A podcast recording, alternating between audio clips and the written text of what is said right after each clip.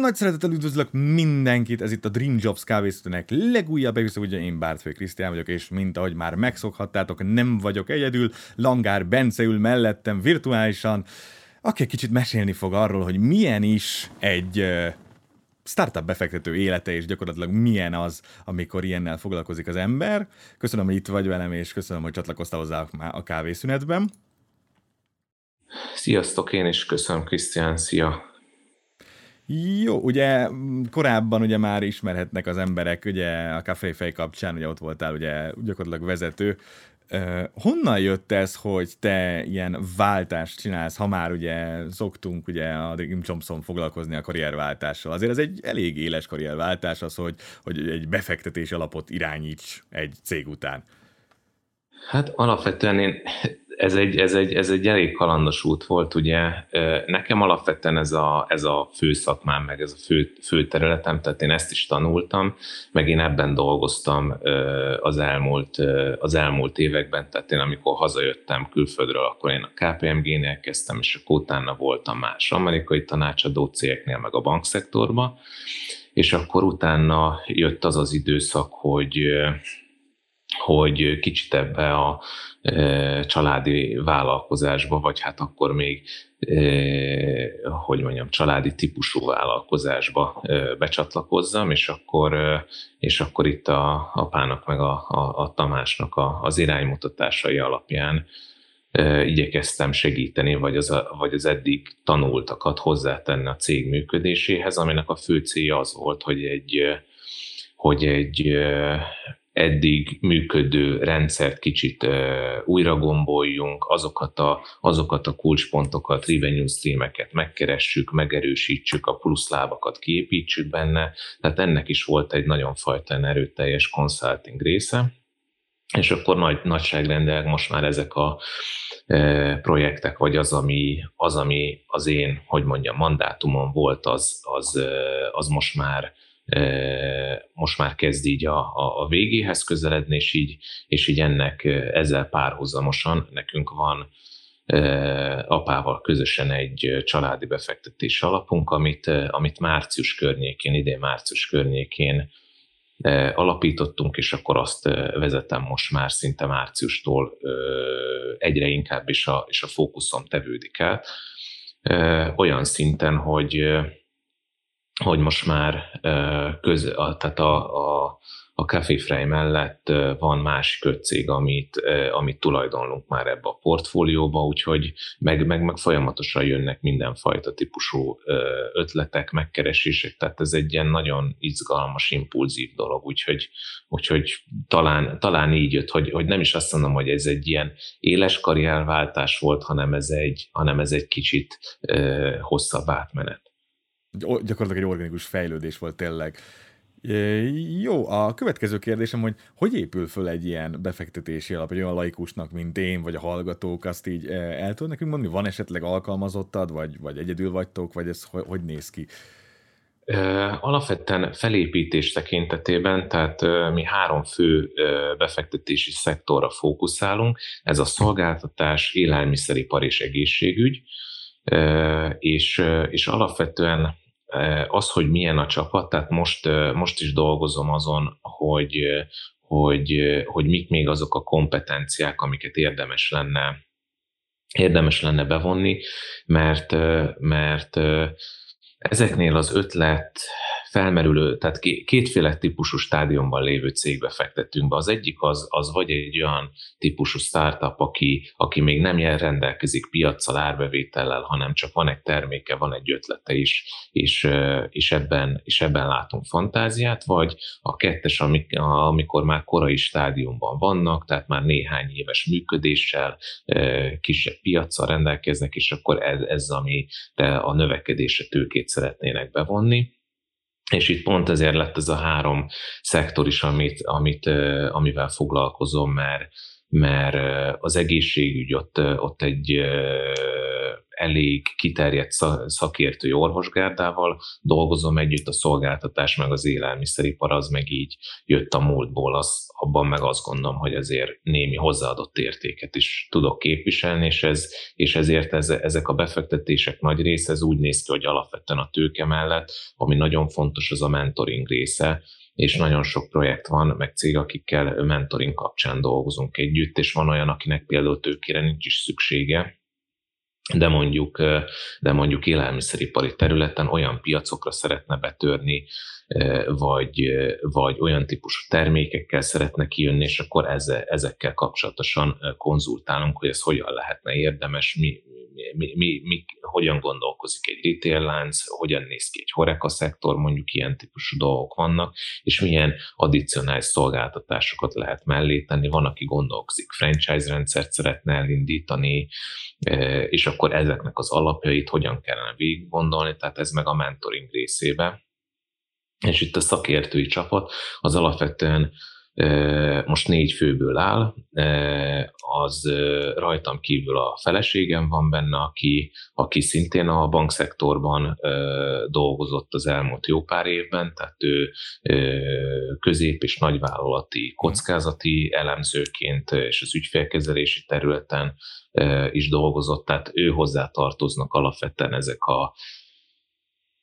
hogy mondjam, hogy amikor valaki álmodik valamit, és akkor belesze, beleszeretek mondjuk, és akkor én tovább álmodnám velük, akkor ő az, aki kicsit így visszarántja a dolgokat, hogy azért itt nem, nem biztos, hogy kijönnek a számok. Van mellette egy szintén Big Four háttérrel rendelkező, ő inkább management consulting és stratégiai típusú, típusú kolléga, aki, aki pont így az üzleti koncepcióalkotás stratégiai dolgokban segítkezik, és van még egy kompetencia, a három, amit fontosnak, fontosnak gondoltam, ő pedig pont így vezetés elmélet, vezetésfejlesztés, szervezetfejlesztés ezekben a kérdéskörökben úgyhogy, úgyhogy nagyjából ebből áll így a, így a csapatunk. Oké. Okay. Elmondtad, hogy milyen szektorokban vagy érdekelt. Kíváncsi vagyok, hogy milyen szempontnak, vagy minek kell megfelelni, hogy felkeltse egy startup az érdeklődésedet? Ez, ez, ez, ez,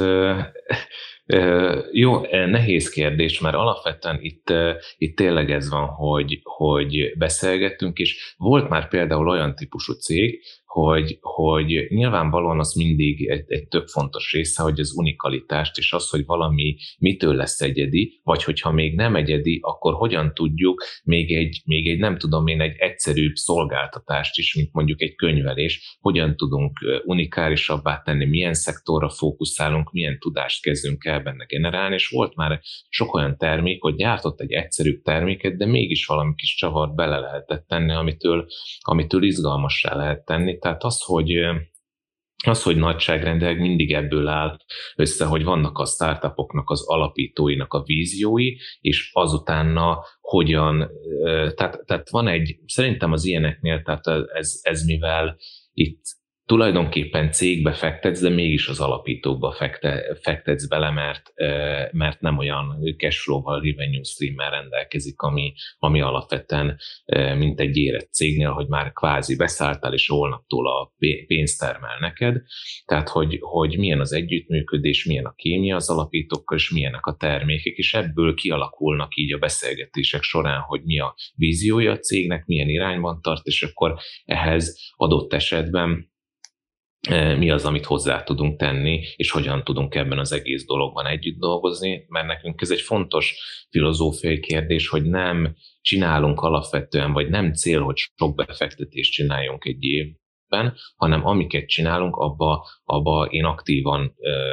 tehát hogyha van rám szükség, és tudok valamit hozzátenni, akkor én aktívabban, most is akik vannak cégek, van akivel heti szinten, van akivel kettő hetente, de folyamatosan uh-huh. leülünk, megbeszéljük ezek a, a kérdéseket, tehát ez egy, mert most pénz és tőke az sok van a piacon, ez amiből szerintem így úgy látom, hogy kevesebb van, és, és ez egy nagy cél, hogy hogy azért ezeket a startupokat egy következő szintre tudjuk tényleg lökni, és hozzá tudjunk ezt tenni. Jó, az utolsó kérdésem pedig az lenne, hogy milyen célod van, és hogy képzeled el a saját vállalkozásnak így a jövőjét, mi az a jövőkép, ami, ami a szemed előtt lebeg? Én, én azt gondolom, hogy, hogy, hogy ebben, ami, ami nekem egy nagy cél, mert ebbe, ebbe, ez meg azért egy nehéz kérdés, mert kicsit mindig ezt szoktam mondani, hogy, hogy a siker és a cél az mindig mindenkinek más jelent, és mindenki mást érez sikernek. És hogyha nekem meg kellene fogalmazni, én, én mindig, ami, amit az egyik legfontosabbnak tartok, az a csapat. Tehát nyilván az, hogy ez egy befektetési alap, ami tőkét helyez ki, az nyilván működjön profitábilisan, tehát ezt így mellé tettem, de hogy a, a csapat az, az milyen egységet alkot, és az lenne alapvetően a cél, hogy, hogy maga a befektetés alap nekünk az egy részvénytársaság formájában úgy is kreáltuk meg, mint társasági forma, és az lenne a három-öt éves cél, hogy ezt a, a, a befektetés alapot és ezt a részvénytársaságot most már egy öttagú igazgatóság vezesse három-öt éves távlaton, ami pont így, ahogy most, ahogy elkezdtük így az elején struktúrálni, azoknak így az egyes területeknek meglegyenek a szakértői, és tényleg ezeket a fajta befektetési döntéseket egy egységes szakmai testületként lehessen meghozni, mert ennek része is az, hogy van maga, maga a nagy cég, és az, alatt vannak kisebb holdingok, amik, amik az egyes szolgáltató szektorokra, vagy hát egyes szektorokra fókuszálnak, és abban pedig cél, hogy, hogy ilyen kisebb hubokat szeretnénk kiépíteni. Tehát az, hogy mondjuk élelmiszeriparnál Nyilván van egy meglévő tudás is, és van egy tudásbázis a Café Frejámok 14 évére vonatkozóan, van a szolgáltatásban, amit a feleségemmel hozunk magunkkal, van az egészségügyben, amit hoznak az, az orvosgárdával, és akkor ezeknek egy ilyen központi hábot szeretnénk, szeretnénk kiépíteni, és ezeknek a háboknak a vezetését is a jövőben nekem az a cél, hogy a, hogy a jól performáló, vagy a legjobban performáló portfólió cégeknek a vezetői tudják ellátni, és ezek fölött pedig diszponál ez mondjuk ez az öt tagú igazgatóság, ami megint csak az egyes területeknek a szakmai, szakmai vezetéséből tevődik össze. Jó, köszönöm szépen, hogy válaszoltál a kérdéseinkre, és hogy eljöttél az adásba, főleg ugye ilyen gyorsan. Nagyon örülök, hogy itt voltál, és köszönjük ezt a érdekes karrierutat nálad is, meg organikus karrierutat, ugye, amiről az elején beszéltünk, és nagyon sok sikert kívánok hozzá, hogy jól működjön minden, és úgy, ahogy azt tényleg elképzelitek és ha valami van, akkor nagyon szívesen eh, látlak újra a kávészünetben, ha valami esetleg ilyen témában fölmerülő kérdés, vagy bármilyen érdeklődés van tőlünk, vagy esetleg te akarnál mesélni valami nagy áttörést, akkor nagyon szívesen látlak. Eh, a nézőknek meg köszönöm megint, hogy velünk tartottak erre a rövid 4 órás kávészünetre. A következő héten ismét találkozunk. Eh, addig is sziasztok! Köszönöm én is, sziasztok! Köszönjük, hogy megnézted a videót! Hagyj egy kommentet, meg egy lájkot, és iratkozz fel a YouTube csatornánkra. Ha néznél még egy videót, itt találod a sorozat lejátszási listáját, valamint a legújabb videónk. Kövess minket Facebookon, valamint Instagramon. Minden linket megtalálsz a leírásban.